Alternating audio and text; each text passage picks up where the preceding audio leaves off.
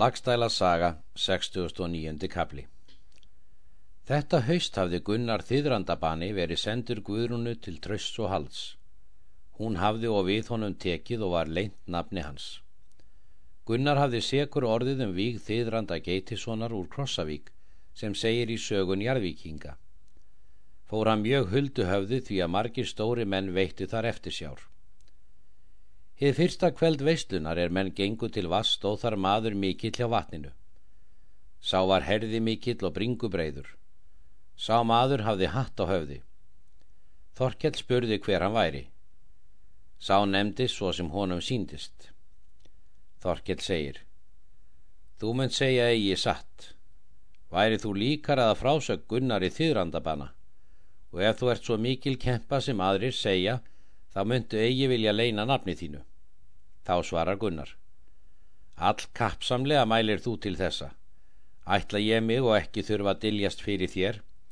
Hefur þú rétt kendan mannin eða hvað hefur þú mér hugað að heldur? Þorkett hvaðst að vilja myndu að hann vissi það brátt. Hann mælti til sinna manna að þeir skildu handtaka hann.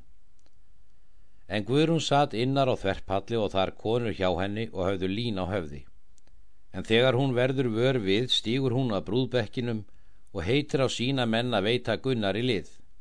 Hún bað og engum manni eira þeim er þar vildu óvísu lýsa. Hafði Guðrún lið miklu meira. Horðist þar til annars en ætla hafði verið. Snorri goði gekk þar í milli manna og bað læja storm þennan. Er þér þorkell einsætt að leggja ekki svo mikið kapp á þetta mál? Máttu sjá hversu mikill skörungur Guðrún er ef hún ber okkur báða ráðum.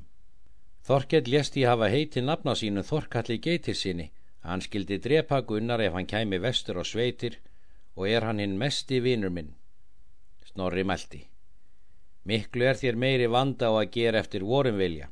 Ég er þér og þetta sjálfum höfuð nöysinn því að þú far aldrei slíkra konu sem Guðrún er þóttu leitir víða og við umtölur snorra og það með að hann sá að hann mælti satt á sefaðist Þorkell en Gunnari var í brott fyllt um kveldið. Veistla fór þar vel fram og skörulega og er bóði var lokið búast menn í brott. Þorkell gaf snorra all fjemiklar gafir og svo öllum virðingamönnum. Snorri bauð heim botla botla sinni og bað hann vera með sér öllum þeim stundum er honum þætti það betra. Bolli þykkur það og rýður heim í tungu. Þorkell settist nú að helgafelli og tekur þar við bús um síslu.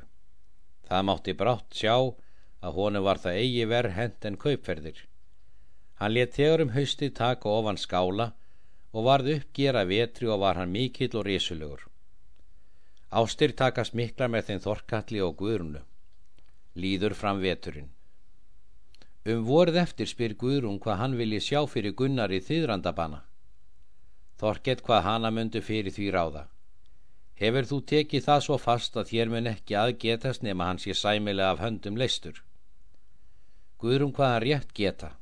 Vil ég, segir hún, að þú gefur honum skipið og þar með þá hluti sem hann má eigi missa að hafa. Þorkett svarur og brosti við. Egi er þér lítið í hugum margt Guðrún segir hann, og er þér eigi hendað eiga vesalmenni. Er það og ekki við þitt æði, skal þetta gera eftir þínum vilja. Fer þetta fram. Gunnar tók við gjöfinni all þakksamlega. Mun ég aldrei svo langhendur verða ég fá yfir launa þann sóma allan sem þið veiti mér. Fór Gunnar utan og kom við Noreg. Eftir það fór hann til búa sinna Gunnar var stór auðugur og heið mesta mikilmenni og góður drengur.